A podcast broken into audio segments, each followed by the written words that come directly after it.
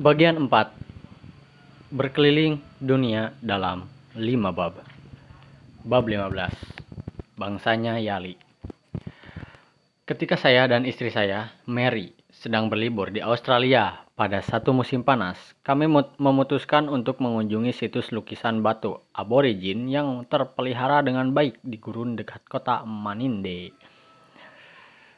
Meskipun saya tahu reputasi gurun Australia yang amat kering dan musim panasnya yang menyengat, saya sudah menghabiskan waktu lama bekerja dalam kondisi-kondisi panas dan kering di gurun California dan Sabana Papua. Sehingga saya menganggapi diri sendiri cukup berpengalaman untuk mengatasi tantangan-tantangan kecil yang kami akan hadapi sebagai wisatawan di Australia. Dengan membawa banyak air putih, saya dan Mary berangkat siang hari berjalan kaki sejauh beberapa mil menuju lukisan-lukisan itu. Jalan setapak dari pos Jagawana menanjak di bawah langit yang tak berawan mele melewati medan terbuka tanpa tempat teduh sama sekali. Udara panas dan kering yang kami hirup mengingatkan saya pada bagaimana rasanya bernafas sambil duduk dalam sauna Finlandia. Pada saat kami mencapai situs tebing tempat lukisan-lukisan itu berada, air minum kami sudah habis. Kami sudah kehilangan minat terhadap seni hari itu. Sehingga kami terus menanjak, seraya bernapas dengan pelan dan teratur. Saya pun menyadari seekor burung yang pastinya merupakan anggota salah satu spesies burung cicak. Namun ukurannya tampak besar sekali dibandingkan dengan spesies burung cicak yang sudah dikenal. Pada saat itu, saya menyadari bahwa saya sedang mengalami halusinasi akibat sengatan panas untuk pertama kalinya dalam hidup saya. Saya dan Mary memutuskan bahwa lebih baik untuk langsung kembali saja. Kami berdua berhenti mengobrol, sambil berjalan, kami berkonsentrasi mendengarkan napas kami, menghitung-hitung jarak ke tempat petokan berikutnya, dan memperkirakan waktu yang tersisa. Mulut dan lidah saya kering, sementara wajah Mary merah. Ketika akhirnya kami mencapai pos jagawana yang berpendingin udara, kami merosot ke kursi-kursi di samping pendingin air, meneguk setengah galon terakhir air yang ada di dalamnya, dan minta sebotol lagi dari si jagawana. Sambil duduk di sana kelelahan fisik maupun emosional, saya merenung bahwa orang-orang aborigin yang dulu membuat lukisan-lukisan itu entah bagaimana telah menghabiskan seumur hidup mereka di gurun tanpa pendingin udara yang nyaman dan berhasil menemukan makanan serta juga air. Bagi orang-orang kulit putih Australia, Maninde terkenal sebagai penangkalan utama dua orang kulit putih yang menderita lebih parah akibat sengatan panas kering gurun lebih daripada seabad sebelumnya. Polusi Irlandia Robert, polisi Irlandia Robert Burke dan ahli astronomi Inggris William Wills, para pemimpin bernasib buruk dari ekspedisi Eropa pertama untuk melintasi Australia dari selatan ke utara. Mereka berangkat dengan enam unta yang membawa cukup makanan untuk tiga bulan. Namun Barke dan Wills kehabisan ransum saat berada di gurun utara Maninde. Tiga kali berturut-turut mereka menjumpai dan diselamatkan oleh orang-orang aborigin cukup makanan yang bertempat tinggal di gurun dan dan menjamu para penjelajah itu dengan ikan, kue pakis, dan tikus gemuk yang dipanggang. Namun kemudian dengan bodohnya Barke menembakkan pistolnya ke arah seorang aborigin, sehingga orang-orang aborigin kabur semua. Meskipun memiliki keunggulan besar dibanding orang-orang aborigin karena memiliki senjata api untuk berburu, Barke dan Wills kelaparan, tumbang, dan meninggal dalam satu bulan setelah orang-orang aborigin itu angkat kaki. Angkat kaki. Pengalaman saya dan istri saya di Maninde serta nasib Barge dan Wills membuat saya paham benar betul. Benar, kesulitan-kesulitan dalam membangun masyarakat manusia di Australia. Australia menonjol di antara semua benua lain. Perbedaan antara Eurasia, Afrika, Amerika Utara, dan Amerika Selatan menjadi kecil ketika dibandingkan dengan perbedaan-perbedaan antara Australia dan semua benua lain. Australia adalah yang paling kering, paling kecil, paling datar, paling tak subur, paling tidak bisa diperkirakan iklimnya, dan dalam keanekaragaman biologis paling miskin. Australia lah benua terakhir yang diduduki orang-orang Eropa. Sebelum itu, Australia menyokong masyarakat manusia paling unik dan berjumlah paling kecil di antara semua benua. Oleh karena itu, Australia menyediakan uji penting bagi teori-teori perbedaan masyarakat antar benua. Lingkungannya paling khas, masyarakatnya juga paling khas. Apakah yang pertama menyebabkan yang kedua? Jika ya, bagaimana? Logis kiranya memulai perjalanan keliling dunia kita dengan Australia sambil menerapkan perjalanan perjal pelajaran-pelajaran dari bab 2 dan 3 untuk memahami sejarah semua benua yang berbeda-beda. Kebanyakan orang awam kiranya menyebut keterbelakangan sebagai ciri yang tampaknya paling menonjol di masyarakat pribumi Australia. Australia adalah satu-satunya benua di mana pada zaman modern semua penduduk asli masih hidup tanpa ciri menonjol apa pun dari apa yang disebut perbedaan, tanpa pertanian, pengembalaan, logam, busur dan anak panah, bangunan bangunan tetap, desa menetap, tulisan, kedatuan ataupun negara. Orang aborigin Australia adalah pemburu pengumpul nomaden atau semi-nomaden. Terorganisasi dalam kawanan, hidup di tempat berteduh atau pondok sementara, dan masih bergantung kepada alat-alat berbahan tulang. Selama 13.000 tahun terakhir, lebih sedikit perubahan budaya terakumulasi di Australia daripada di benua lain. Pandangan yang mendominasi di kalangan orang Eropa mengenai pribumi Australia adalah seperti kata-kata seorang penjelajah Prancis awal yang menulis mereka adalah orang-orang paling menyedihkan di dunia ini dan manusia yang paling mirip dengan hewan liar. Namun pada 4000 tahun silam, masyarakat-masyarakat pribumi Australia menikmati kemajuan awal yang lebih besar daripada masyarakat-masyarakat di Eropa dan benua-benua lain. Pribumi Australia mengembangkan sejumlah peralatan batu terawal yang diketahui dengan tepian de, di Gerinda, di Gerinda. Tepian di Gerinda Peralatan batu tergangga, bergagang kayu terawal yaitu kepala kapak batu yang dipasangi gagang kayu. Dan sejauh ini kendaraan air terawal di dunia. Sejumlah lukisan tertua yang diketahui pada permukaan batu berasal dari Australia. Manusia beranatomi modern mungkin telah menetap di Australia sebelum mereka menetap di Eropa Barat. Mengapa? Mengapa? Terlepas dari kemajuan awal itu, akhirnya orang-orang Eropa yang menaklukkan Australia, bukan sebaliknya. Dalam pertanyaan itu, ada pertanyaan lain. Selama zaman es Pleistocene, ketika banyak air samudera yang tertangkap dalam lembaran es benua dan permukaan laut turun sejauh di bawah ketinggiannya sekarang, Laut Arafura yang dangkal yang kini memisahkan Australia dari Papua masih berupa daratan rendah dan kering. Ketika lembaran es mencair antara sekitar 12.000 dan 4 dan 8.000 tahun lalu, permukaan laut naik daratan rendah itu terbenam dan yang tadinya merupakan benua Australia Raya terbagi menjadi dua semi benua, Australia dan Papua. Masyarakat manusia di kedua masa daratan yang tadinya menyatu itu pada zaman modern menjadi sangat berbeda dari satu sama lain. Beda dengan segala yang baru saja saya katakan mengenai pribumi Australia, banyaknya orang Papua seperti masyarakat Yali merupakan petani dan pengembala babi. Mereka hidup di desa-desa menetap dan terorganisasi secara politis menjadi suku, bukan kawanan.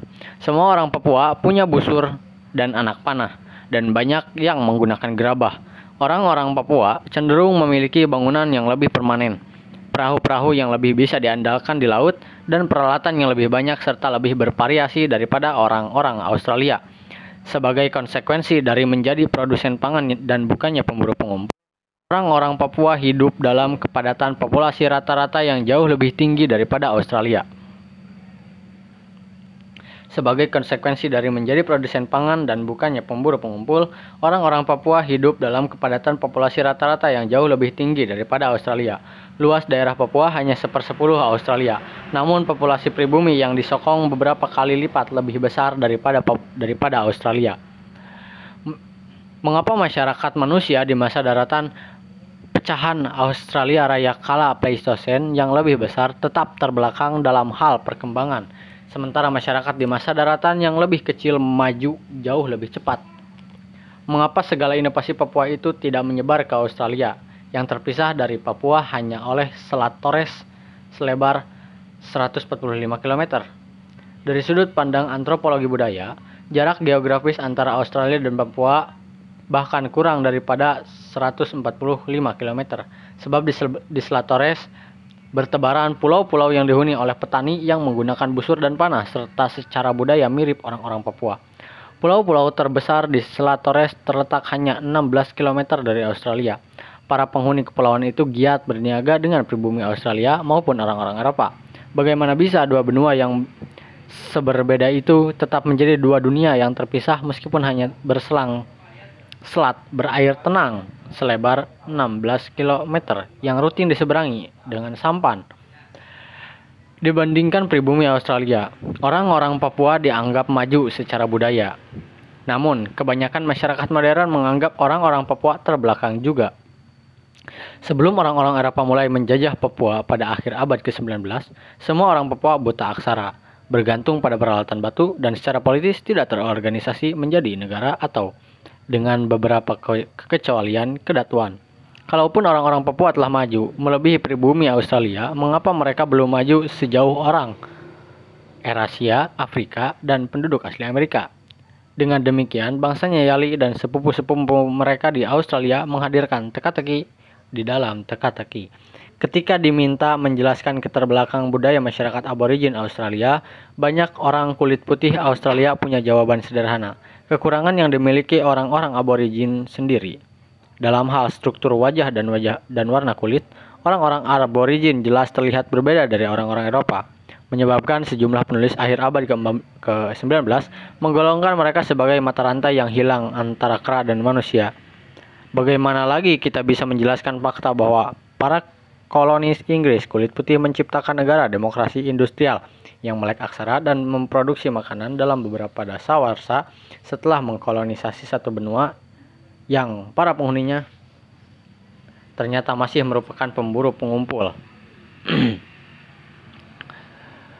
buta, buta aksara setelah 4000 tahun lebih berlalu. Tambah mengejutkan lagi saat diketahui bahwa Australia memiliki kandungan besi dan aluminium paling kaya di dunia, juga kandungan tembaga, timah, timbel, dan seng. Kalau begitu, mengapa pribumi Australia tidak juga kenal peralatan logam dan malah masih hidup pada zaman batu? Itu tampak seperti percobaan terkontrol sempurna dalam evolusi masyarakat benua. Benuanya sama, hanya orang-orangnya berbeda.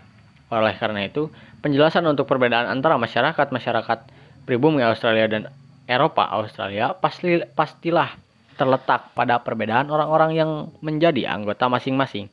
Penalaran di belakang kesimpulan rasis itu tampaknya sangat meyakinkan. Namun akan kita lihat bahwa kesimpulan itu mengandung satu kesalahan sederhana. Sebagai langkah pertama mengkaji penalaran itu, mari kita kaji asal-muasal orang-orang itu. Australia dan Papua sudah dihuni setidaknya 40.000 tahun silam, bahwa waktu keduanya masih menyatu sebagai Australia Raya. Bila kita lihat peta sekilas, tampaknya para kolonis itu pastilah berasal dari benua terdekat, Asia Tenggara, yang melompat dari pulau ke pulau melalui kepulauan Indonesia.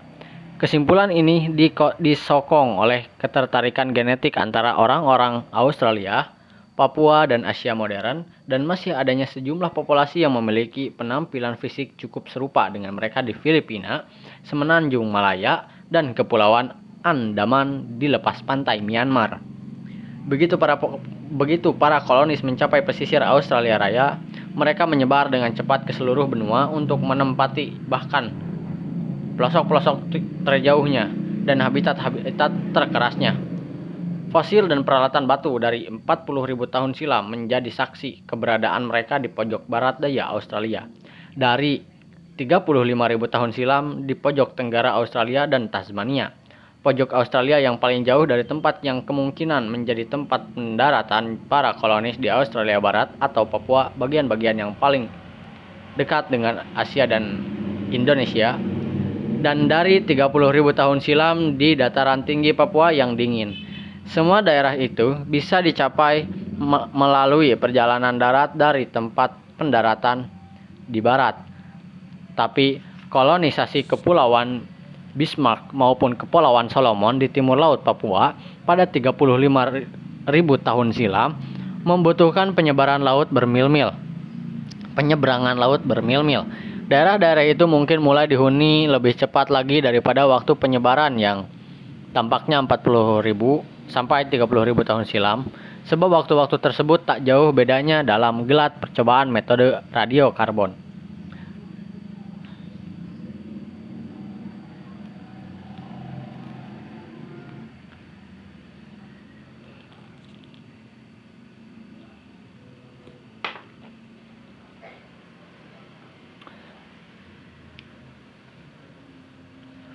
Pada kala Pleistosen ketika Australia dan Papua mulai dihuni, benua Asia meluas ke timur dan merengkuh juga pulau-pulau yang kini kita kenal sebagai Kalimantan, Jawa, dan Bali. Nyaris 1600 km lebih dekat ke Australia dan Papua daripada batas Asia Tenggara sekarang. Tapi setidaknya 8 selat yang lebarnya bisa mencapai 80 km masih ada untuk diseberangi dari Kalimantan atau Bali agar bisa mencapai Australia Raya kala Pleistosen. 40.000 tahun lalu, selat-selat itu bisa diseberangi dengan rakit bambu. Kendaraan air berteknologi rendah untuk dipakai di laut yang masih digunakan di pesisir Cina Selatan sekarang. Namun, penyeberangan semacam itu pastilah tetap sulit, sebab setelah pendaratan awal pada 4000 tahun silam, Rekaman arkeologis tak lagi memberikan bukti kuat mengenai kedatangan manusia lebih lanjut di Australia Raya dari Asia selama puluhan ribu tahun.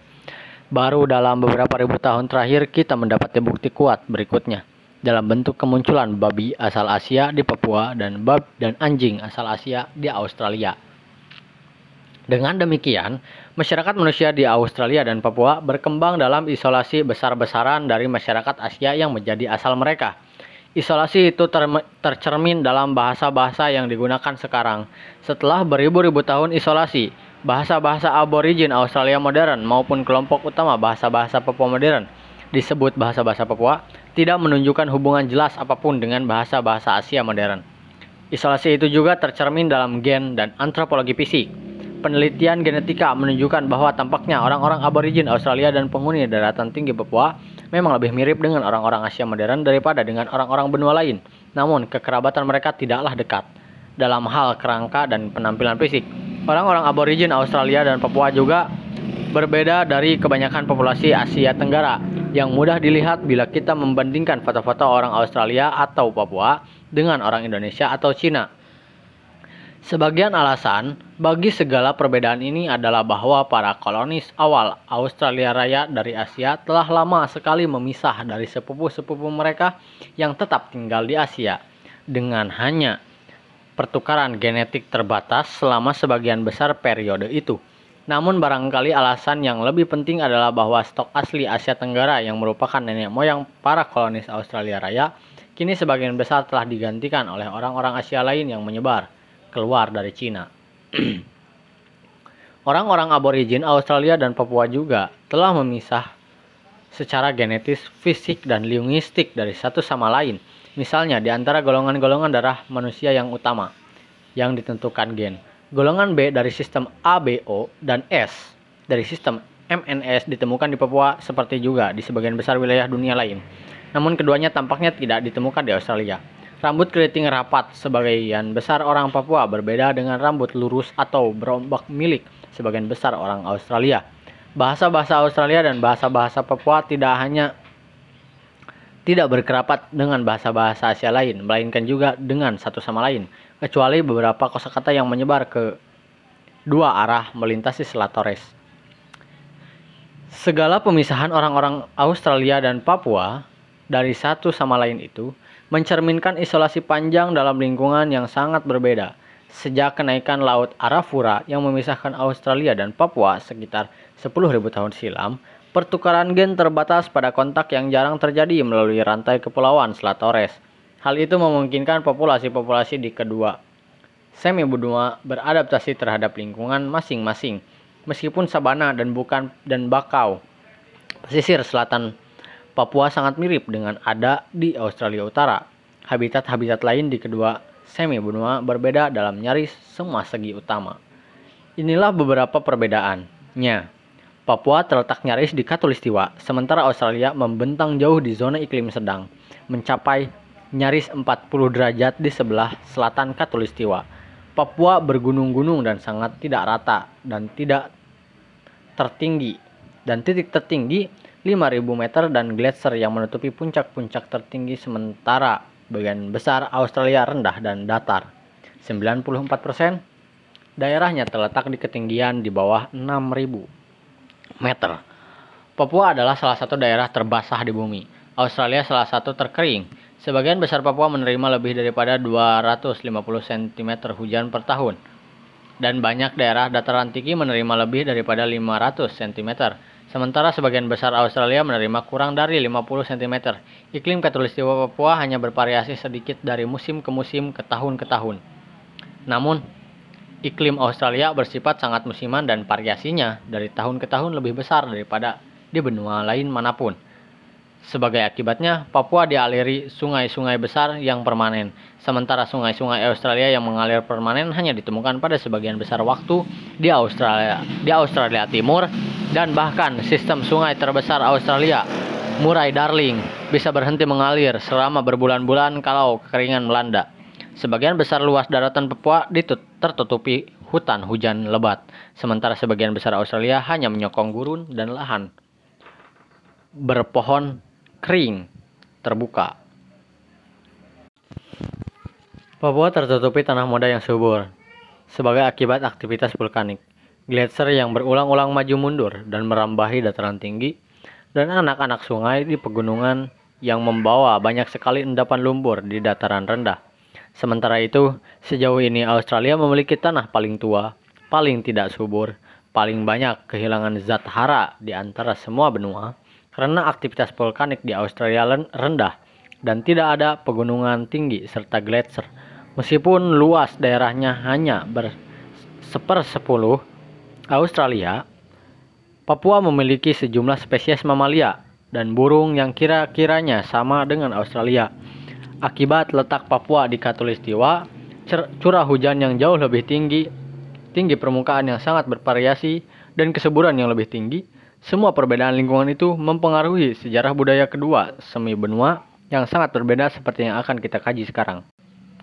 Produksi pangan paling awal dan intensif dan populasi terpadat di Australia di Australia Raya muncul di lembah-lembah dataran tinggi Papua pada ketinggian antara 1200 dan 2750 meter di antara permukaan laut.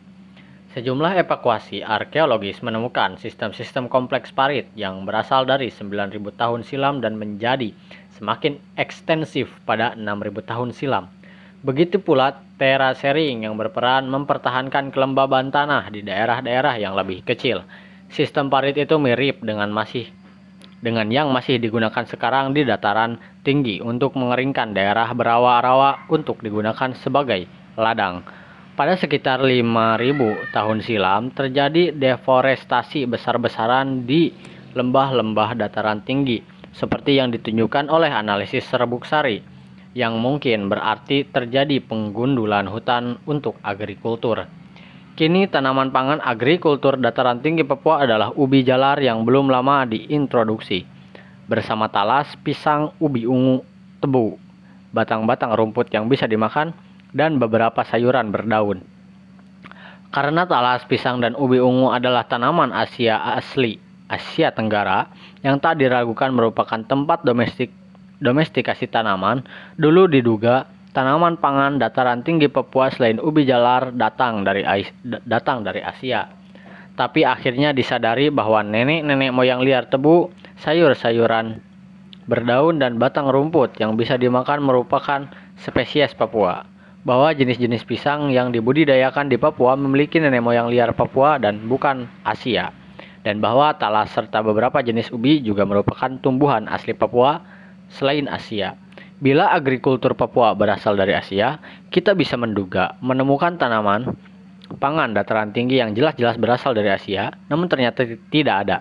Karena alasan-alasan itu, kini secara umum diakui bahwa agrikultur muncul secara lo muncul secara lokal di dataran tinggi Papua melalui domestikasi spesies-spesies tumbuhan liar Papua.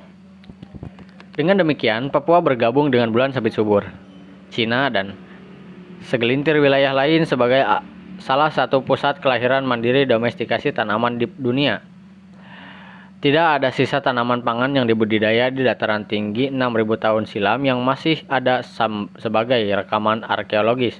Tapi hal itu tidak merupakan tapi hal itu tidak mengejutkan karena tanaman pangan dataran tinggi modern merupakan spesies-spesies tumbuhan yang tak meninggalkan sisa-sisa yang mudah dilihat secara arkeologis, kecuali dalam kondisi-kondisi istimewa. Oleh karena itu, kemungkinan sebagian tanaman itu juga merupakan tanaman pangan pendiri agrikultur dataran tinggi, apalagi sistem parit kuno yang masih ada juga mirip sekali dengan sistem parit masa kini yang digunakan untuk budidaya talas. Tiga unsur yang jelas-jelas asing dalam produksi makanan dataran tinggi Papua seperti yang terlihat oleh para penjelajah Eropa pertama adalah ayam, babi, dan ubi jalar. Ayam dan babi didomestikasi di Asia Tenggara dan diintroduksi sekitar 3600 tahun lalu ke Papua dan kebanyakan pulau Pasifik lain oleh orang-orang Austronesia yang pada dasarnya berasal dari Cina Selatan seperti yang akan kita bahas di bab 17 babi mungkin tiba terlebih dahulu. Sementara ubi jalar, tumbuhan asli Amerika Selatan, tampaknya mencapai Papua baru dalam beberapa abad terakhir.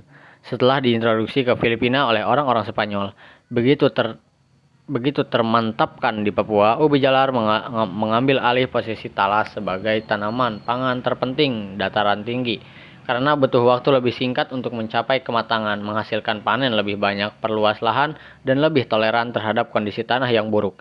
Perkembangan agrikultur dataran tinggi Papua pastilah memicu ledakan populasi besar ribuan tahun silam, sebab dataran tinggi hanya bisa menyokong pemburu pengumpul dalam kepadatan populasi yang amat rendah setelah megafauna asli Papua.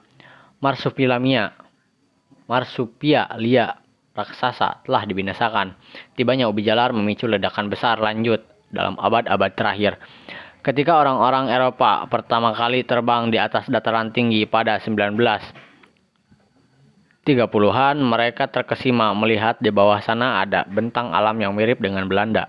Lembah-lembah lebar, lembah-lembah lebar yang hutannya sudah gundul dan digantikan desa-desa, serta ladang yang dikeringkan dan dipagari untuk produksi pangan intensif bertebaran di daerah lembah. Bentang alam itu menjadi bukti kepadatan penduduk yang dicapai di dataran tinggi oleh para petani dengan perkakas batu. Medan yang curam, tutupan awan yang nyaris tiada putus, malaria, dan resiko kekeringan pada ketinggian yang lebih rendah membatasi agrikultur dataran tinggi Papua pada ketinggian di atas sekitar 1200 meter.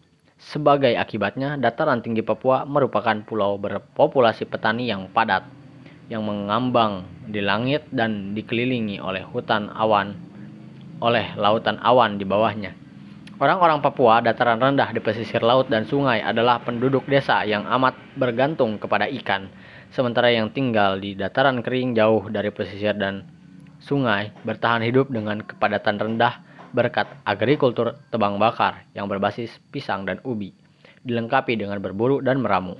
Sementara itu, penghuni rawa-rawa dataran rendah Papua hidup sebagai pemburu pengumpul nomaden yang bergantung kepada empulur berpati palem saguliar yang sangat ber, yang, sang, yang sangat produktif dan menghasilkan tiga kali lebih banyak kalori per jam kerja daripada berkebun.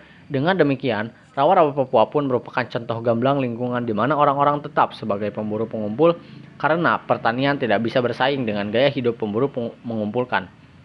Para pemaka para pemakan sagu yang bertahan di rawa-rawa daratan rendah menjadi contoh organisasi kawanan pemburu pengumpul nomaden yang tadinya pastilah mencirikan semua orang Papua. Karena alasan-alasan yang kita bahas di bab 13 dan 14, para petani Nelayan adalah yang mengembangkan teknologi, masyarakat, dan organisasi politik yang kompleks. Mereka hidup dalam desa-desa permanen dan masyarakat-masyarakat kesukuan, sering kali dipimpin oleh orang besar. Sebagian di antara mereka membangun rumah-rumah upacara yang besar dan berhias dan berhiasan ramai. Seni adiluhung mereka dalam bentuk patung dan topeng kayu sangat dihargai di museum-museum di seluruh dunia. Papua pun menjadi bagian Australia Australia Raya dengan teknologi, organisasi sosial dan politik serta seni yang paling maju. Tapi dari sudut pandang seorang penduduk kota Amerika atau Eropa, Papua masih setingkat primitif, bukan maju. Mengapa orang-orang Papua terus menggunakan peralatan batu dan bukannya mengembangkan peralatan rogam, tetap buta aksara dan gagal mengorganisasi diri menjadi kedatuan dan negara? Ternyata Papua memiliki sejumlah rintangan biologis dan geografis. Pertama, walaupun produksi makanan setempat memang muncul di dataran tinggi Papua, kita lihat di bab 8 bahwa makanan mereka hanya menghasilkan sedikit protein. Makanan pokok mereka adalah tanaman pangan akar-akaran, rendah protein, dan produksi dan produksi hanya dua spesies hewan yang didomestikasi. terlalu rendah untuk berkontribusi banyak kepada kebutuhan protein manusia, karena babi maupun ayam tak bisa dimanfaatkan untuk menarik kereta. Penduduk dataran tinggi tetap tak memiliki sumber tenaga selain tenaga otot manusia dan juga tidak mengalami penyakit-penyakit epidemi yang bisa mengusir orang-orang Eropa yang nantinya menyerbu. Hal kedua yang membatasi ukuran populasi dataran tinggi adalah terbatasnya daerah-daerah yang tersedia. Di dataran tinggi Papua hanya terdapat sedikit lembah luas, terutama lembah Wahgi dan Baliem, yang mampu menyokong populasi yang padat. Batasan ketiga adalah yang mampu menyokong populasi yang padat. Batasan ketiga adalah kenyataan bahwa zona Montana tengah antara ketinggian 1200 dan 2750 meter adalah satu-satunya zona ketinggian di Papua yang cocok untuk produksi pangan intensif. Tak ada produksi makanan sama sekali di habitat-habitat Gunung Papua di atas 2700 meter, sedikit di lereng bukit antara 1200 dan 300 meter, dan hanya agrikultur tebang bakar berkepadatan rendah di dataran rendah. Dengan demikian, pertukaran ekonomi makanan berskala besar antara komunitas-komunitas di ketinggian berbeda dengan berbeda ketinggian berbeda yang menghususkan diri pada produksi makanan yang jenisnya berbeda-beda. Tak pernah berkembang di Papua. Pertukaran semacam itu di Andes, Alpen, dan Himalaya tak hanya meningkatkan kepadatan populasi di daerah-daerah itu dengan menyediakan diet yang lebih seimbang bagi orang-orang yang hidup di berbagai ketinggian, namun juga mendorong integrasi ekonomi dan politik regional. Karena semua alasan itu, populasi Papua tradisional tak pernah melebihi 1 juta sampai pemerintah kolonial Eropa mendatangkan kedokteran barat dan mengakhiri peperangan antar suku. Dari kira-kira 9 pusat kelahiran agrikultur di dunia yang kita bahas di bab 5, Papua sejauh ini tetap merupakan yang memiliki populasi terkecil. Dengan hanya 1 juta orang, Papua tidak bisa mengembangkan teknologi, tulisan, dan sistem politik yang lahir di antara populasi berpuluh-puluh juta orang di Cina, bulan sabit subur, Andes, dan Mesoamerika. Populasi Papua tidak hanya kecil secara total, namun juga terbagi-bagi menjadi ribuan populasi mikro oleh medan yang sangat tidak rata. Rawa-rawa di sebagian besar dataran rendah, jurang-jurang curam dan ngarai-ngarai sempit yang berselang-seling di dataran tinggi, dan rimba lebat yang menutupi dataran rendah maupun dataran tinggi. Sewaktu saya sedang terlibat dalam penjelajahan biologi di Papua bersama tim orang-orang Papua sebagai asisten lapangan, saya anggap berpindah 5 saya anggap berpindah 5 km per hari sudah kemajuan bagus meskipun kami menelusuri jalur yang sudah ada. Kebanyakan penduduk dataran tinggi Papua tradisional tak pernah pergi lebih dari 16.000 km dari rumahnya seumur hidup. Kesulitan berupa kondisi medan itu dikombinasikan dengan perang sepro, sporadis yang mencirikan hubungan antara kawanan-kawanan atau desa-desa Papua menyebabkan fragmentasi linguistik, budaya, dan politik Papua tradisional. Sejauh ini, Papua memiliki konsentrasi tertinggi bahasa di dunia. Seribu dari 6.000 bahasa dunia bersesakan di daerah yang hanya sedikit lebih luas daripada Texas dan terbagi menjadi lusinan famili bahasa dan bahasa terisolasi yang sangat berbeda satu sama lain, seperti bahasa Inggris berbeda dari bahasa Cina. Nyaris separuh dari semua bahasa Papua digunakan oleh 500 penutur, di bawah 500 penutur, dan bahkan kelompok bahasa terbesar yang penggunanya juga hanya 100.000 penutur. Terfragmentasi secara politik menjadi ratusan desa yang saling bertarung sengit seperti dengan penutur bahasa-bahasa lain masing-masing masing-masing masyarakat mikro itu terlalu kecil untuk menyokong kepala suku dan spesialis kria atau mengembangkan per, perundagian dan tulisan.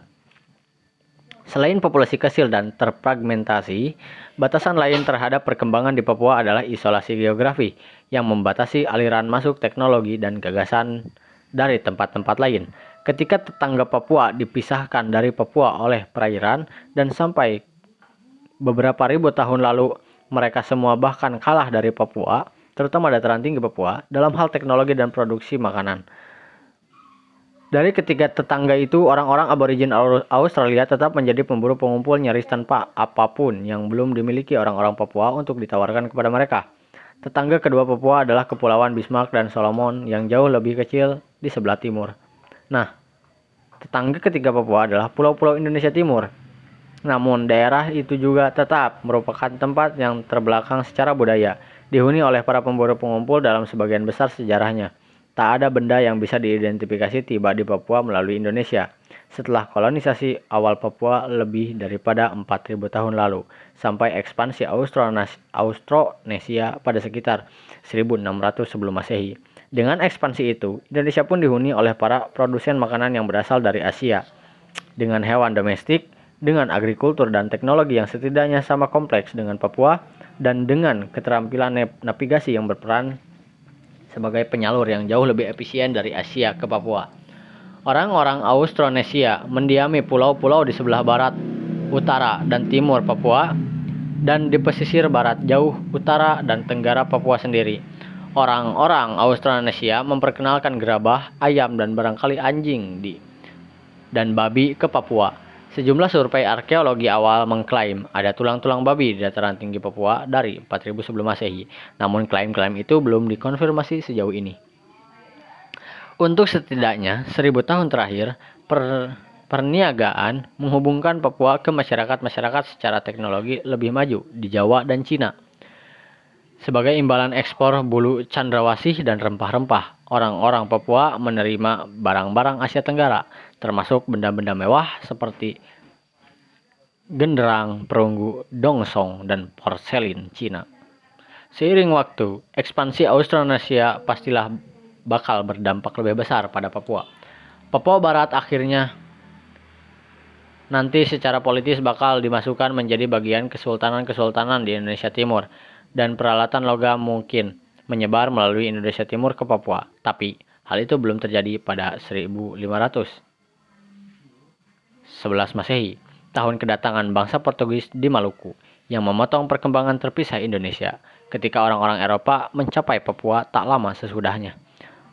Para penghuninya masih hidup dalam kawanan atau desa-desa kecil mandiri yang saling bermusuhan dan masih menggunakan peralatan batu.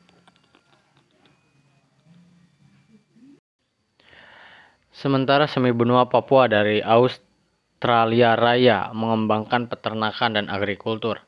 Semi benua Australia tak mengembangkan satupun. Selama zaman-zaman es, Australia menyokong kehidupan marsupialia besar yang lebih banyak daripada Papua, termasuk di Protodon, marsupialia yang setara dengan sapi dan badak, kanguru raksasa, dan wombat raksasa namun, semua kandidat hewan ternak marsupialia itu hilang dalam sejumlah gelombang kepunahan, atau mungkin pembantaian yang mengiringi kolonisasi manusia terhadap Australia. Australia, seperti Papua, lantas tak memiliki mamalia asli yang bisa didomestikasi. Satu-satunya mamalia asing hasil domestikasi yang diadopsi di Australia adalah anjing yang tiba dari Asia barangkali bersama sampan-sampan Austronesia sekitar 1500 sebelum Masehi dan menyesuaikan diri dengan alam liar Australia sehingga menjadi dingo. Pribumi Australia menangkarkan menangkarkan dingo sebagai pendamping, anjing penjaga, dan bahkan selimut hidup. Memunculkan perumpamaan malam lima anjing yang berarti malam yang sangat dingin. Namun mereka tidak memanfaatkan dingo atau anjing sebagai makanan, seperti orang-orang Pole Polinesia atau untuk berburu hewan liar seperti orang-orang Papua. Agrikultur juga tidak berkembang di Australia, yang tidak hanya merupakan benua terkering, melainkan juga yang memiliki tanah paling tidak subur. Selain itu, Australia unik karena pengaruh yang mendominasi iklim di sebagian besar benua itu adalah siklus non-tahunan tak teratur ENSO. Singkatan dari El Nino. Southern Oscillation. Bukan siklus tahunan teratur musim seperti yang ada di sebagian besar bagian dunia lain. Kekeringan parah yang tak terperkirakan berlangsung bertahun-tahun diselingi oleh hujan lebat dan banjir yang juga sama tak terperkirakan Bahkan kini dengan tanaman pangan erasia dan dengan truk-truk serta kereta api untuk mengangkut hasil bumi, Produksi pangan di Australia tetap bisnis yang beresiko. Kawanan ternak yang berkembang biak pada tahun-tahun yang bagus, tahu-tahu mati semua gara-gara kekeringan. Seandainya dulu ada petani awal aborigin Australia, mereka pastilah harus menghadapi siklus serupa dalam populasi mereka yang sendiri. Bila dalam tahun-tahun yang bagus, mereka menetap di desa, membudidayakan tanaman pangan, dan melahirkan anak. Populasi besar itu akan kelaparan dan mati dalam tahun-tahun kekeringan, ketika lahan mereka hanya bisa menyokong jauh lebih sedikit orang.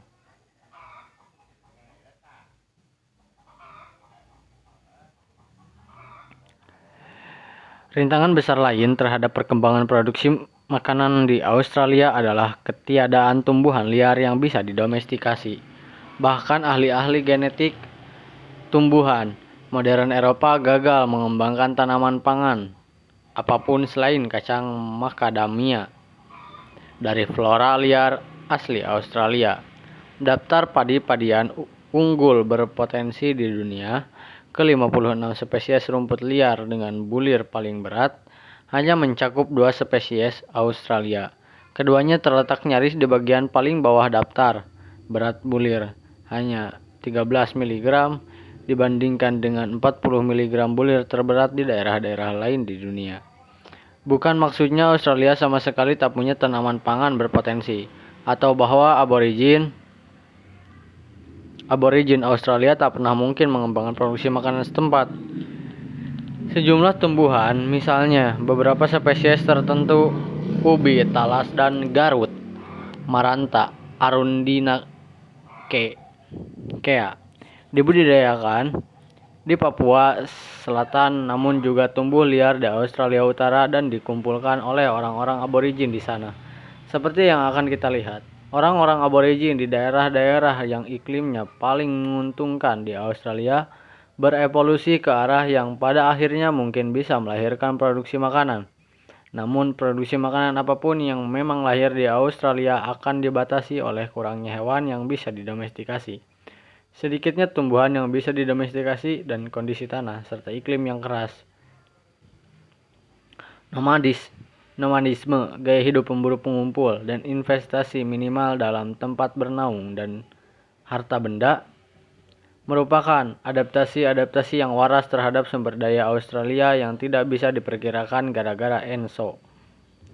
Ketika kondisi-kondisi lokal memburuk, orang-orang aborigin cukup pindah ke daerah yang kondisinya untuk sementara lebih baik, daripada bergantung kepada hanya segelintir tanaman pangan yang mungkin gagal panen. Mereka meminimalkan resiko dengan mengembangkan ekonomi yang didasarkan kepada beraneka ragam makanan alami, yang tidak mungkin semuanya gagal tersedia secara bersamaan. Daripada memiliki populasi berfluk situasi yang pada waktu tertentu menghabiskan sumber daya sehingga terjadi kelaparan, mereka mempertahankan populasi lebih kecil yang menikmati kelimpahan makanan pada tahun-tahun yang bagus dan masih cukup makan pada tahun-tahun pacaklik. Pengganti produksi pangan orang-orang aborigin Australia disebut pertanian kayu bakar. Orang-orang aborigin memodifikasi dan mengelola bentang alam di sekitar mereka dengan cara yang meningkatkan produksi tumbuhan dan hewan yang bisa dimakan tanpa perlu dibudidayakan. Cara utamanya, mereka secara sengaja membakar sebagian besar bentang alam pada waktu-waktu tertentu. Tujuan pembakaran itu ada beberapa. Api menghalau hewan-hewan yang bisa dibunuh dan langsung dimakan.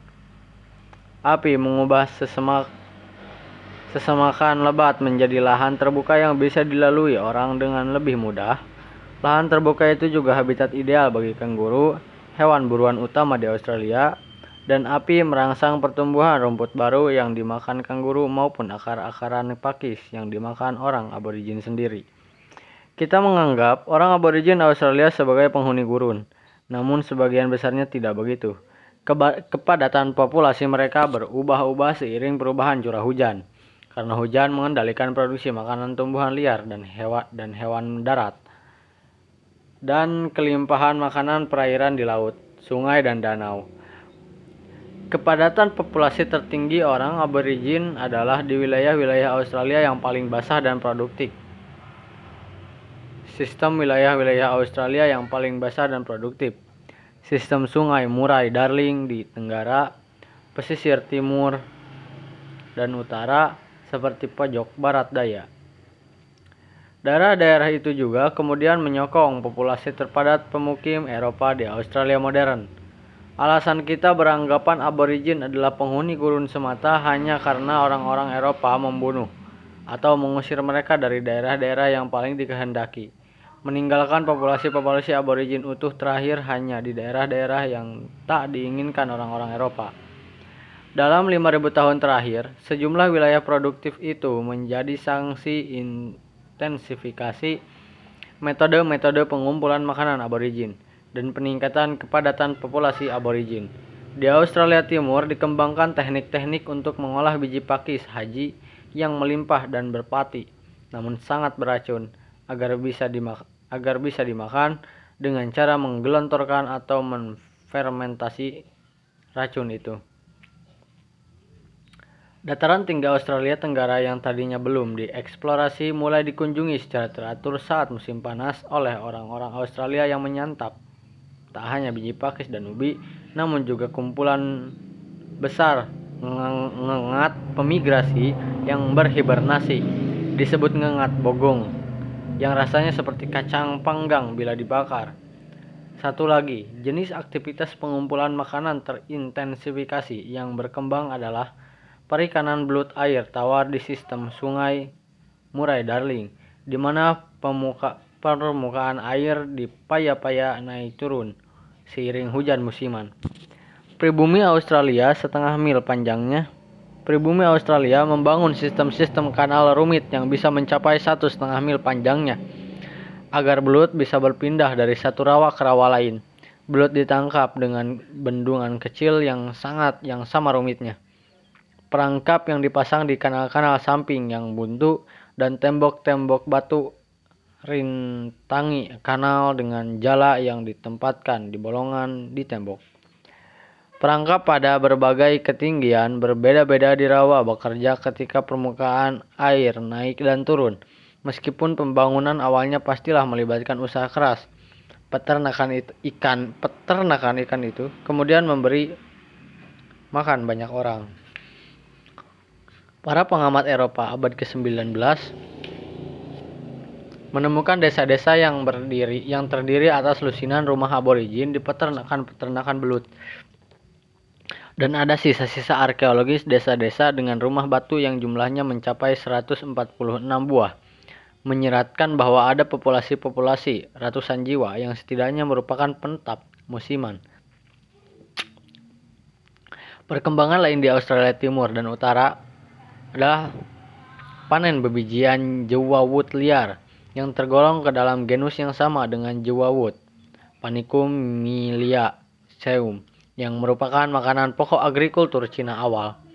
Jawawut dipanen dengan pisau batu, ditumpuk menjadi timbunan jerami, dan ditumbuk agar lepas bijinya, yang kemudian disimpan dalam kantong kulit atau wadah kayu dan akhirnya digiling dengan batu gilingan. Beberapa alat yang digunakan dalam proses ini, misalnya pisau permanen dari batu dan batu gerinda, mirip dengan alat-alat yang secara mandiri diciptakan di bulan sabit subur untuk mengolah rerumputan liar lain. Dari semua metode aborigin Australia untuk memperoleh makanan, panen jewawut barangkali adalah paling mungkin berevolusi menjadi produksi tanaman pangan. Bersama pengumpulan makanan terintensifikasi dalam 5000 tahun terakhir, muncullah tipe-tipe alat yang baru. Bilah dan ujung runcing dari batu kecil memberikan sisi tajam yang lebih panjang per pon alat daripada alat-alat batu besar yang mereka gantikan. Kapak kecil dengan ujung batu hasil gerinda yang sejumlahnya hanya ditemukan di tempat-tempat tertentu di Australia menjadi tersebar luas. Kiat kait ikan dari cangkang kerang muncul dalam seribu tahun terakhir. Mengapa Australia tidak mengembangkan peralatan logam, tulisan, dan masyarakat yang kompleks secara politik? Alasan utama adalah bahwa orang aborigin tetap menjadi pemburu pengumpul. Sementara seperti yang kita lihat di bab 12 sampai 14, perkembangan-perkembangan itu muncul di tempat-tempat lain hanya di masyarakat-masyarakat produsen pangan yang berpopulasi besar dan terspesialisasi secara ekonomi. Selain itu, Australia yang kering, tidak subur, dan tidak bisa diperkirakan iklimnya membatasi populasi pemburu pengumpulnya pada jumlah hanya beberapa ratus ribu jiwa dibandingkan puluhan juta orang di Cina atau Mesoamerika kuno. Itu berarti Australia memiliki jauh lebih sedikit orang yang berpotensi menjadi pencipta dan jauh lebih sedikit masyarakat untuk mencoba-coba dengan adopsi ciptaan. Beberapa ratus ribu jiwa itu juga tidak terorganisasi menjadi masyarakat-masyarakat yang berinteraksi dengan dekat. Australia justru terdiri atas lautan gurun yang berpopulasi sangat jarang yang memisahkan beberapa pulau ekologis yang lebih produktif yang masing-masing hanya menampung sebagian kecil populasi benua itu dan dengan interaksi yang dirintangi oleh jarak yang memisahkan mereka. Bahkan di sisi timur benua yang relatif lembab dan produktif, pertukaran antar masyarakat dibatasi oleh jarak 3000 km dari hutan hujan tropis Queen, Queensland di timur laut sampai hujan hutan hujan beriklim sedang Victoria di tenggara jarak geografis dan ekologis yang sama jauhnya dengan jarak dari Los Angeles ke Alaska. Sejumlah kemunduran teknologi regional atau benua yang terlihat di Australia mungkin berakar dari isolasi dan jumlah penghuni pusat-pusat populasinya yang relatif sedikit. Bumerang, senjata ciri khas Australia, ditinggalkan di semenanjung York, Australia Timur Laut. Ketika ditemukan orang-orang Eropa, orang aborigin Australia Barat Daya tidak memakan kerang-kerangan. Fungsi batu-batu kecil runcing yang muncul di situs-situs arkeologi Australia sekitar 5.000 tahun silam masih belum pasti. Meskipun penjelasan yang mudah adalah bahwa batu-batu itu mungkin digunakan sebagai ujung tombak dan anak panah. Mereka secara mencuriga, men, mereka secara mencurigakan mirip sekali dengan ujung tombak dan anak panah yang ditemukan di tempat-tempat lain di dunia. Bila memang mereka digunakan seperti itu, misteri mengapa busur dan anak panah ditemukan di Papua modern, namun tidak di Australia pun menjadi berlipat ganda. Barangkali busur dan anak panah pernah dipakai untuk sementara, kemudian dilupakan di seluruh benua Australia. Semua contoh itu mengingatkan kita kepada pencampakan senjata api di Jepang, busur, anak panah, dan gerabah di sebagian besar Polinesia dan teknologi-teknologi lain di masyarakat-masyarakat terisolasi lainnya. Hilangnya teknologi secara paling ekstrem di wilayah Australia terjadi di wilayah di Pulau Tasmania, 210 km lepas pantai Australia Tenggara. Pada kala Pleistosen ketika permukaan laut rendah, Selat Bass dangkal yang kini memisahkan Tasmania dari Australia merupakan daratan kering dan orang-orang yang menempati Tasmania merupakan bagian populasi manusia yang tersebar tanpa terputus dari benua Australia yang, lu yang meluas. Ketika selat itu akhirnya terbenam sekitar 10.000 tahun silam, orang-orang Tasmania dan Australia daratan terpisah dari satu sama lain karena di antara mereka tidak ada yang memiliki kendaraan air yang mampu menyeberangi Selat Bass. Setelah setelahnya populasi Tasmania sebanyak 4.000 pemburu pengumpul tetap terputus kontaknya dengan semua manusia lain di bumi. Hidup dalam isolasi seperti biasanya hanya ditemukan dalam novel-novel fiksi ilmiah. Ketika akhirnya ditemukan orang-orang Eropa pada 1642 Masehi, orang-orang Tasmania memiliki budaya material tersederhana di antara semua orang zaman modern. Seperti orang-orang aborigin Australia daratan, mereka merupakan pemburu pengumpul tanpa alat logam. Namun mereka juga tidak memiliki banyak teknologi dan artefak yang tersebar luas di Australia dar daratan.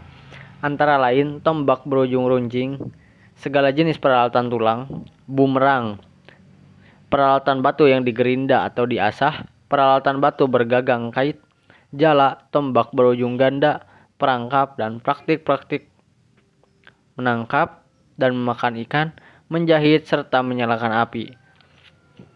Sejumlah teknologi itu mungkin tiba atau diciptakan di Australia daratan baru setelah Tasmania terisolasi, yang berarti kita bisa menyimpulkan bahwa populasi Tasmania kecil itu tidak secara mandiri menemukan teknologi-teknologi itu sendiri.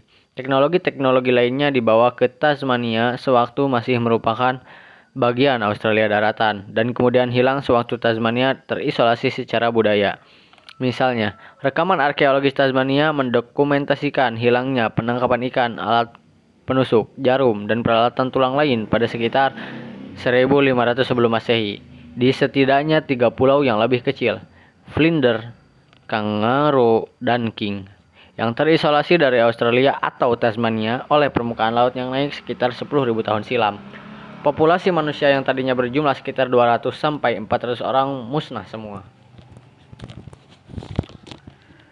Dengan demikian, Tasmania dan ketiga pulau yang lebih kecil itu mengilustrasikan bentuk ekstrim kesimpulan yang berpotensi bermakan luas bermakna luas mengenai sejarah manusia. Populasi manusia yang berjumlah hanya beberapa ratus jiwa tidak mampu lestari untuk waktu lama dalam isolasi sempurna. Populasi 4000 mampu lestari selama 10.000 tahun namun dengan kehilangan budaya yang signifikan dan kegagalan menciptakan yang signifikan pula. Sehingga populasi tersebut pun akhirnya hanya memiliki budaya material unik yang tersederhanakan 300 ribu pemburu pengumpul di Australia daratan adalah jumlah yang lebih besar dan tidak dan tidak teris dan tidak terisolasi orang-orang Tasmania. Namun masih merupakan populasi manusia paling kecil dan paling terisolasi di antara semua benua. Contoh-contoh terdokumentasi dari kemunduran teknologi di Australia daratan dan contoh dari Tasmania menunjukkan bahwa tampaknya keterbatasan pribumi Australia dibandingkan pribumi benua-benua lain mungkin berakar sebagian pada pengaruh isolasi dan ukuran populasi terhadap perkembangan dan pemeliharaan teknologi, seperti pengaruh keduanya terhadap Tasmania, namun tidak se ekstrem itu.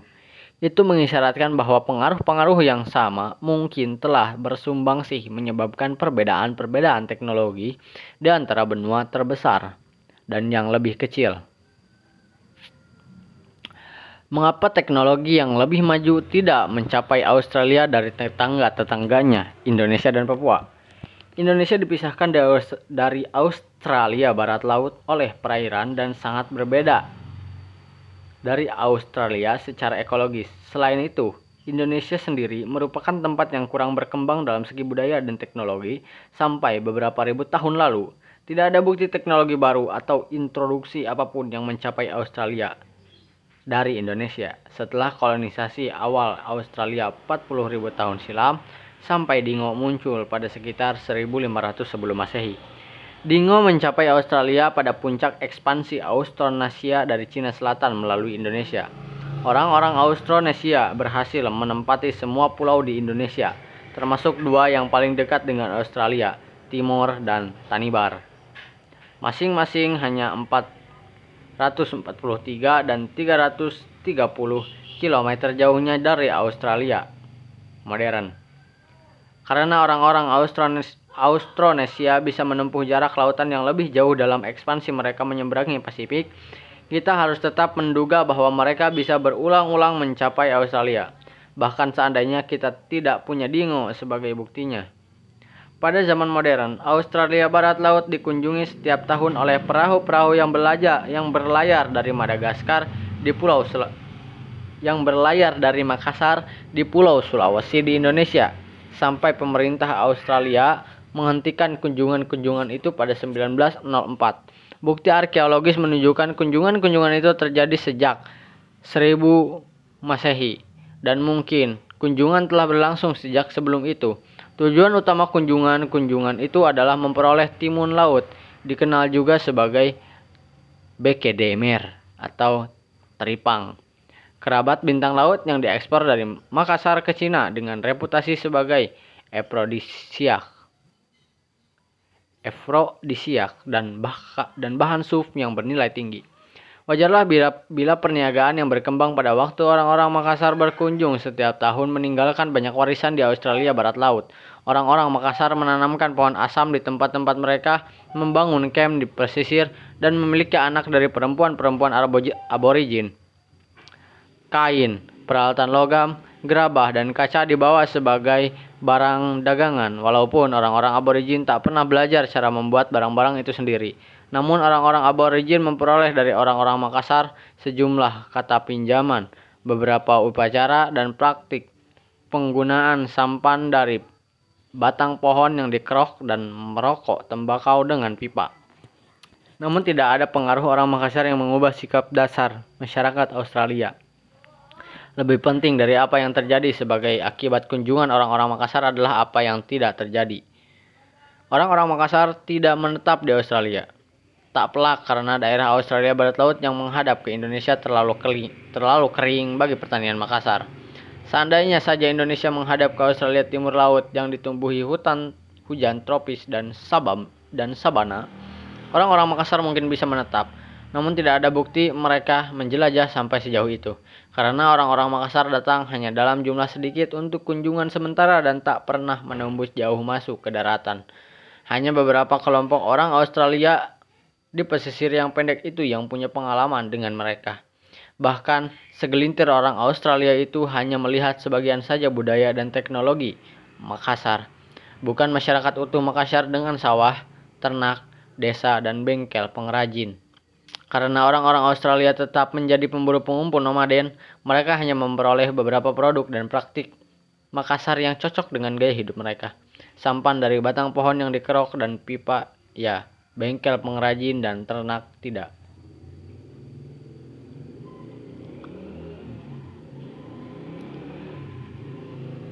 Yang tampaknya jauh lebih membuat terkesima daripada tidak terpengaruhnya Australia oleh Indonesia adalah tidak terpengaruhnya mereka oleh Papua.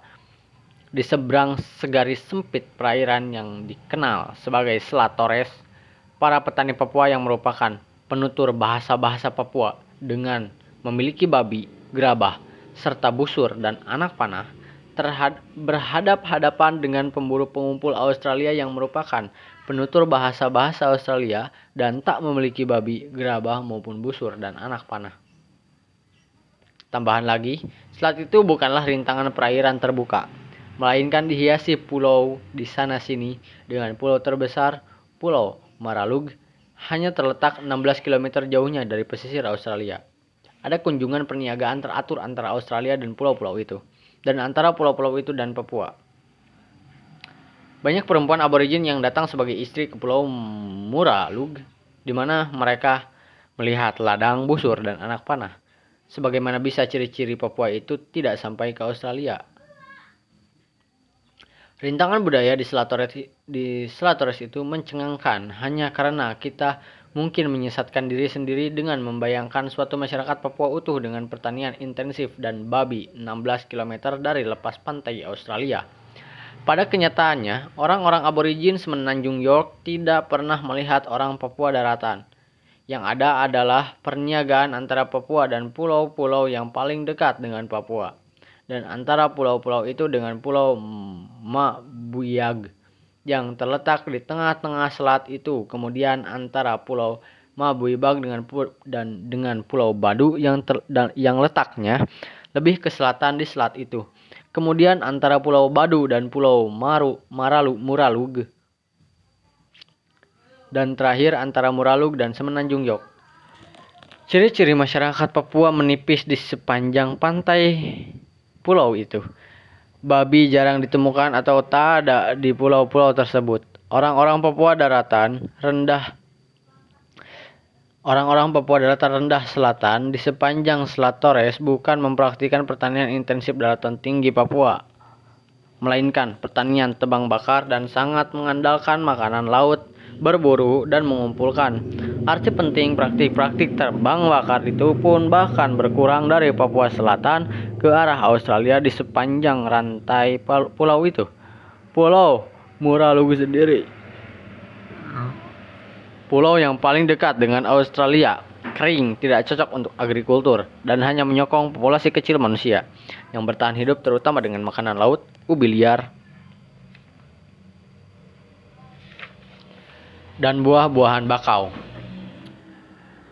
Hubungan antara Papua dan Australia melintasi Selat Torres pun menjadi mirip permainan telepon anak-anak, di mana anak-anak duduk melingkar Satu anak membisikkan satu kata ke telinga anak kedua yang membisikkan apa yang dia pikirkan dia dengar ke anak ketiga dan kata yang akhirnya dibisikkan anak terakhir kembali ke anak pertama sama sekali tidak mirip dengan kata yang awal. Dengan cara yang sama, perniagaan di sepanjang kepulauan Selatores adalah permainan telepon yang akhirnya memberi orang-orang aborigin semenanjung York sesuatu yang sangat berbeda dari masyarakat Papua. Selain itu, kita tidak bisa membayangkan hubungan antara penduduk Pulau Muralug dan orang-orang aborigin Chapeyok, Chapeyok sebagai hubungan cinta tanpa gangguan. Dengan orang-orang aborigin yang penuh semangat menyerap budaya dari guru-guru mereka yang datang dari pulau, perniagaan justru berselang-seling dengan perang yang bertujuan mengayau dan menangkap perempuan untuk dikawini. Terlepas dari menipisnya budaya Papua akibat jarak dan perang, sejumlah pengaruh Papua berhasil mencapai Australia. Perkawinan campur membawa ciri-ciri fisik Papua, misalnya rambut keriting, kesemen, kesemenanjung York. Empat bahasa semenanjung York memiliki fonem yang tak umum di Australia, barangkali karena pengaruh bahasa-bahasa Papua. Transmisi terpenting adalah kail ikan dari cangkang kerang ala Papua yang menyebar jauh ke dalam Australia dan perahu bercadik ala Papua yang menyebar menuruni semenanjung York, ganderang, topeng upacara, tiang pemakaman, dan pipa Papua juga diadopsi di semenanjung York. Namun orang-orang aborigin semenanjung York tidak meniru pertanian. Sebagian Sebagian karena pertanian yang mereka lihat di Pulau Muralug adalah versi yang sudah sangat berkurang. Mereka tidak memanfaatkan babi yang hanya sedikit jumlahnya atau malah tidak ada di pulau-pulau itu dan yang bagaimanapun juga tak akan bisa mereka beri makan tanpa pertanian. Mereka juga tidak mendapat busur dan anak panah dan tetap bertahan dengan tombak dan pelontar tombak. Australia itu luas, begitu pula Papua. Namun kontak antara kedua masa daratan besar itu terbatas hanya kepada beberapa kelompok kecil penduduk Kepulauan Selatores dengan budaya Papua yang sangat tipis yang berinteraksi dengan beberapa kelompok kecil aborigin semenanjung York. Keputusan kelompok aborigin semenanjung York, apa pun alasannya, untuk terus menggunakan tombak dan tak menggunakan busur dan anak panah, juga untuk tidak mengadopsi ciri-ciri tertentu sedikit kebudayaan Papua yang mereka lihat menghalangi transmisi ciri-ciri budaya Papua yang mereka ciri-ciri Papua itu Ciri-ciri budaya Papua itu ke bagian-bagian Australia lainnya. Sebagai akibatnya, tak ada produk budaya Papua kecuali kail ikan dari cangkang kerang yang menyebar jauh ke pedalaman Australia. Seandainya ratusan ribu petani di daratan tinggi Papua yang sejuk menjalin kontak dekat dengan orang-orang aborigin di dataran tinggi Australia Tenggara yang sejuk, bisa jadi berlangsung transfer besar-besaran produksi pangan intensif dan budaya Papua ke Australia. Namun daratan tinggi Papua terpisah dari daratan tinggi Australia oleh 3000 km bentang alam yang sangat berbeda secara ekologis. Sejauh menyangkut kesempatan kesempatan orang-orang Australia mengamati dan menggunakan praktik-praktik daratan tinggi Papua, dataran tinggi Papua sama saja jauhnya dengan pegunungan di bulan bagi mereka. Singkatnya, tetap bertahannya pemburu pengumpul nomaden zaman batu di Australia yang berniaga dengan para petani zaman batu Papua dan petani zaman besi Indonesia pada awalnya seolah menunjukkan kekeras kepalaan janggal pribumi Australia. Bila dikaji lebih dalam, fakta itu semata mencerminkan peran umum geografi dalam transmisi budaya dan teknologi manusia. Yang tersisa bagi kita adalah mengkaji perjumpaan masyarakat-masyarakat zaman batu dari Papua dan Australia dengan orang-orang zaman besi dari Eropa. Orang or, seorang navigator Portugis menemukan Papua pada 1526. Belanda mengklaim separuh baratnya pada 1928, sementara Britania dan Jerman membagi separuh timurnya pada 1664. Orang-orang Eropa pertama bermukim di pesisir, dan butuh waktu lama bagi mereka untuk menembus jauh ke pedalaman. Namun, pada 1960, pemerintah-pemerintah Eropa telah menetapkan kendali politik atas sebagian besar orang Papua. Alasan-alasan mengapa orang-orang orang-orang Eropa yang mengolonisasi Papua bukan sebaliknya, gamblang adanya. Orang-orang Eropa adalah yang memiliki kapal-kapal untuk menyeberangi samudera dan kompas untuk berlayar ke Papua. Sistem tulisan dan mesin cetak menghasilkan peta. Kisah-kisah deskriptif dan dokumen dan dokumen administratif yang diperlukan untuk menetapkan kendali atas Papua. Lembaga-lembaga politik untuk mengorganisasi kapal prajurit dan administrasi serta senjata api untuk menembaki orang-orang Papua yang melewat dengan busur anak panah, dan pentungan. Namun jumlah pemukiman Eropa selalu sangat sedikit dan sekarang sebagian besar penduduk Papua adalah pribumi. Itu kontra sekali dengan situasi di Australia, Amerika, dan Afrika Selatan, di mana banyak terdapat pemukiman Eropa yang bertahan lama dan menggantikan populasi pribumi di sebagian besar wilayah. Mengapa Papua berbeda? Salah satu faktor utama adalah mengalahkan semua upaya Eropa untuk bermukim di daratan rendah Papua sampai 1880-an. Malaria dan penyakit-penyakit tropis lainnya yang tidak satu pun merupakan infeksi kerumunan epidemik akut seperti yang kita bahas di bawah 11 di antara semua rencana membangun pemukiman di daratan, di daratan rendah yang gagal yang paling ambisius adalah yang diorganisasi oleh Marquis Francis de Yars pada sekitar 1880 di Pulau New Orleans dekat Papua yang berakhir dengan tewasnya 930 dari 1000 kolonis dalam tiga tahun. Bahkan dengan penanganan medis modern yang tersedia yang tersedia sekarang, banyak teman-teman saya dari Amerika dan Eropa terpaksa meninggalkan Papua gara-gara malaria, hepatitis, atau penyakit-penyakit lain. Sementara orang-orang gangguan kesehatan saya sendiri dari Papua adalah setahun malaria dan setahun disentri. Sementara orang-orang Eropa bertumbangan gara-gara kuman daratan rendah Papua. Mengapa kuman-kuman Eurasia tidak secara bersamaan menewaskan orang-orang Papua? Memang ada sejumlah orang Papua yang terinfeksi, namun tidak dalam skala masif seperti yang membunuh sebagian besar penduduk asli Australia dan Amerika.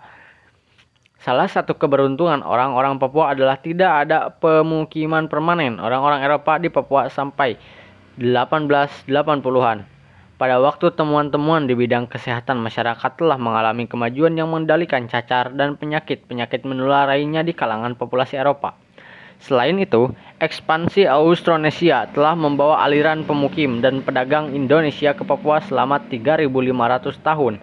Karena penyakit-penyakit infeksi Asia daratan sudah lama bercongkol di Indonesia, orang-orang Papua pun sudah lama terpapar dan mengembangkan ketahanan yang jauh lebih kuat terhadap kuman-kuman Eurasia dibandingkan aborigin Australia. Satu-satunya bagian Papua di mana orang-orang Eropa tak menderita masalah kesehatan parah adalah daratan tinggi yang terletak lebih tinggi daripada wilayah penyebaran nyamuk mamalia, malaria. Namun dataran tinggi yang sudah ditempati oleh populasi padat, orang populasi padat orang-orang Papua baru mencapai baru tercapai oleh orang-orang Eropa pada 1930-an. Pada waktu itu, pemerintahan kolonial Australia dan Belanda sudah tak lagi berniat membuka lahan untuk pemukiman orang kulit putih dengan cara membunuhi banyak penduduk asli atau mengusir mereka dari tanah mereka, seperti yang terjadi dalam kolonialisme Eropa abad-abad sebelumnya. Rintangan yang tersisa bagi para calon pemukim Eropa adalah tanaman pangan, hewan ternak, dan cara bertahan hidup dari Eropa ternyata tidak cocok di mana pun dalam lingkungan dan iklim Papua. Sementara tanaman pangan Amerika tropis yang diintroduksi seperti labu, jagung, dan tomat kini dibudidayakan dalam kuantitas kecil dan perkebunan teh dan kopi didirikan di dataran tinggi Papua Nugini. Tanaman pangan pokok Eropa seperti gandum, jelai, dan ercis tak tidak pernah sukses dibudidayakan di sana sapi dan kambing hasil introduksi yang diternakan dalam jumlah kecil menderita penyakit-penyakit tropis seperti juga orang-orang Eropa. Produksi makanan di Papua masih didominasi oleh tanaman pangan dan metode bercocok tanam yang disempurnakan orang-orang e- Papua selama ribuan tahun. Semua permasalahan menyangkut penyakit, medan yang sangat tidak rata dan bertahan hidup untuk menyebabkan angkat kakinya orang-orang Eropa dari Papua Timur yang sekarang merupakan negara merdeka Papua Nugini yang ditempati dan diperintah oleh orang-orang Papua yang tetap saja menggunakan bahasa Inggris sebagai bahasa resmi, menulis dengan alfabet, hidup di bawah lembaga-lembaga pemerintahan demokratik yang mencontoh lembaga-lembaga Inggris dan menggunakan senjata api yang dibuat di luar negeri. Yang terjadi berbeda di Papua Barat yang Indonesia ambil alih dari Belanda pada 1963 dan ganti namanya menjadi Provinsi Irian Jaya. Provinsi itu sekarang diperintah oleh orang-orang Indonesia untuk orang-orang Indonesia. Populasi pedesaannya masih didominasi orang-orang Papua, namun populasi perkotaannya adalah orang-orang Indonesia non-Papua. Sebagai akibat kebijakan pemerintah yang bertujuan mendorong transmigrasi orang-orang dari luar Papua, orang-orang Indonesia non-Papua yang memiliki sejarah panjang berhadapan dengan malaria dan penyakit-penyakit tropis lain yang yang sama dengan yang dihadapi orang-orang Papua tidak terantuk tidak terantuk rintangan kuat dari kuman seperti orang-orang Eropa. Mereka juga lebih siap daripada orang-orang Eropa untuk bertahan hidup di Papua. Sebab agrikultur Indonesia sudah mencakup pisang, ubi jalar, dan sejumlah tanaman pangan lain dalam agrikultur Papua. Perubahan-perubahan yang masih terjadi di Irian Jaya yang sekarang kembali bernama Papua merepresentasikan kelanjutan ekspansi Austronesia yang pertama kali mencapai Papua 3500 tahun lalu. Kini didukung oleh sumber daya pemerintahan tersentralisasi. Orang-orang Indonesia adalah orang-orang Austronesia modern. Orang-orang Eropa menjajah Australia bukan pribumi Australia menjajah Eropa karena alasan-alasan yang sama seperti yang baru kita lihat dalam kasus Papua. Tapi nasib-nasib Papua, tapi nasib orang-orang Papua dan aborigin Australia sangat berbeda. Sekarang Australia dihuni dan diperintah oleh 20 juta non-aborigin. Kebanyakan keturunan Eropa, ditambah semakin banyak orang Asia sejak Australia mencampakkan kebijakan imigrasi white Australia pada 1972. Populasi aborigin menyusut sebanyak 80% dari sekitar 300.000 jiwa. Di masa mulainya pemukiman Eropa menjadi minimum 60.000 jiwa pada 1921. Orang aborigin kini membentuk kelas bawah masyarakat Australia. Banyak di antara mereka hidup di pos-pos misionaris atau suaka pemerintah atau bekerja untuk orang-orang kulit putih sebagai gembala di pos-pos ternak Mengapa orang-orang aborigin jauh lebih buruk nasibnya daripada orang-orang Papua? Alasan mendasar bercocok Alasan dasar kecocokan Australia di beberapa daerah bagi produksi pangan dan pemukiman Eropa berpadu dengan peran bedil, kuman, dan baja Eropa dalam menyingkirkan orang-orang aborigin. Walaupun saya sudah menekankan kesulitan-kesulitan yang, yang disebabkan oleh iklim dan tanah Australia, Tetap saja daerah-daerahnya daerah-daerahnya yang paling produktif atau subur bisa menyokong pertanian Eropa. Agrikultur di zona iklim sedang Australia kini didominasi oleh tanaman-tanaman pangan zona iklim sedang Eurasia, yaitu gandum, tanaman pangan utama Australia, jelai, haper, apel, dan anggur, juga sorghum dan kapas dari Sahel Afrika dan kentang dari Andes. Di daerah-daerah tropis Australia Timur Laut, Queen Queensland yang berada di luar kisaran optimal tanaman pangan bulan sabit subur, para petani Eropa mengintroduksi tebu dari Papua, pisang dan jeruk-jerukan dari Asia Tenggara tropis, serta kacang tanah dari Amerika Selatan tropis. Hmm. Soal ternak, Domba Rahasia memungkinkan produksi pangan diperluas ke arah ke, ke daerah-daerah kering Australia yang tak cocok untuk agrikultur dan sapi Arasia bergabung dengan tanaman pangan di daerah-daerah yang lebih lembab. Dengan demikian, perkembangan-perkembangan produksi makanan di Australia harus menanti tibanya tanaman pangan asing dan hewan-hewan yang didomestikasi di bagian-bagian dunia yang secara iklim mirip namun terlalu jauh bagi hasil-hasil domestikasi itu untuk mencapai Australia. Sampai akhirnya dibawa ke kapal-kapal pelintas samudera. Tidak seperti Papua, sebagian besar Australia tidak memiliki penyakit yang cukup gawat untuk mencegah orang-orang Eropa mendekat. Hanya di Australia Utara tropis, malaria, dan penyakit-penyakit tropis lain memaksa orang-orang Eropa meninggalkan upaya mereka bermukim di situ pada abad ke-19 dan mereka baru berhasil menetap di sana setelah perkembangan kedokteran abad ke-20. Orang-orang aborigin tentunya menghalangi produksi pangan ala Eropa, terutama karena daerah yang berpotensi, yang berpotensi menjadi lahan pertanian dan peternakan paling produktif pada awalnya adalah daerah yang menyokong populasi pemburu pengumpul aborigin paling padat di Australia. Pemukiman Eropa mengurangi jumlah orang aborigin melalui dua cara. Yang satu adalah menembaki mereka, pilihan yang dianggap bisa diterima oleh orang-orang Eropa abad ke-19 dan akhir abad ke-18 dibandingkan sewaktu mereka memasuki daratan tinggi Papua pada 1930-an, membantai berskala besar. Terakhir, terhadap 31 orang aborigin terjadi di Alice Spring, Alice Spring pada 1928. Cara yang satu lagi melibatkan introduksi kuman Eropa sementara orang-orang aborigin tak punya kesempatan memperoleh ke kekebalan atau mengalami evolusi resistensi genetis. Dalam setahun setelah kedatangan pemukim-pemukim pertama Eropa di Sydney pada 1788, jenazah orang-orang aborigin yang tewas akibat epidemi menjadi pemandangan umum. Para pembunuh utama yang tercatat adalah cacar, influenza, campak, tipoid, tifus, cacar air, batuk kerajaan, tuberkulosis, dan sifilis.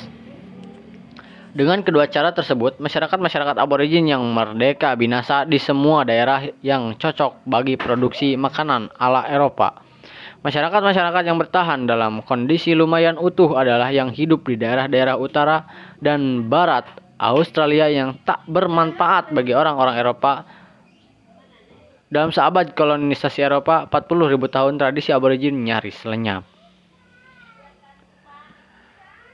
Sekarang kita bisa kembali sekarang kita bisa kembali kepada masalah kepada masalah yang saya ajukan di dekat awal bab ini.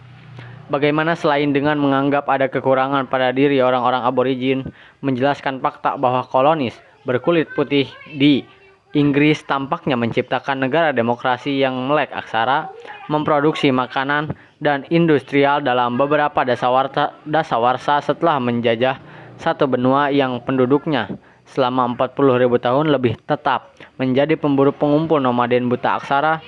Bukankah itu percobaan terkontrol semur, sempurna dalam evolusi masyarakat manusia yang memaksa kita membuat kesimpulan sederhana yang rasis? Jawaban masalah itu sederhana Para kolonis Inggris berkulit putih tidak menciptakan negara demokrasi yang melek aksara, memproduksi makanan dan industrial di Australia. Mereka justru mengimpor semua unsur itu dari luar Australia.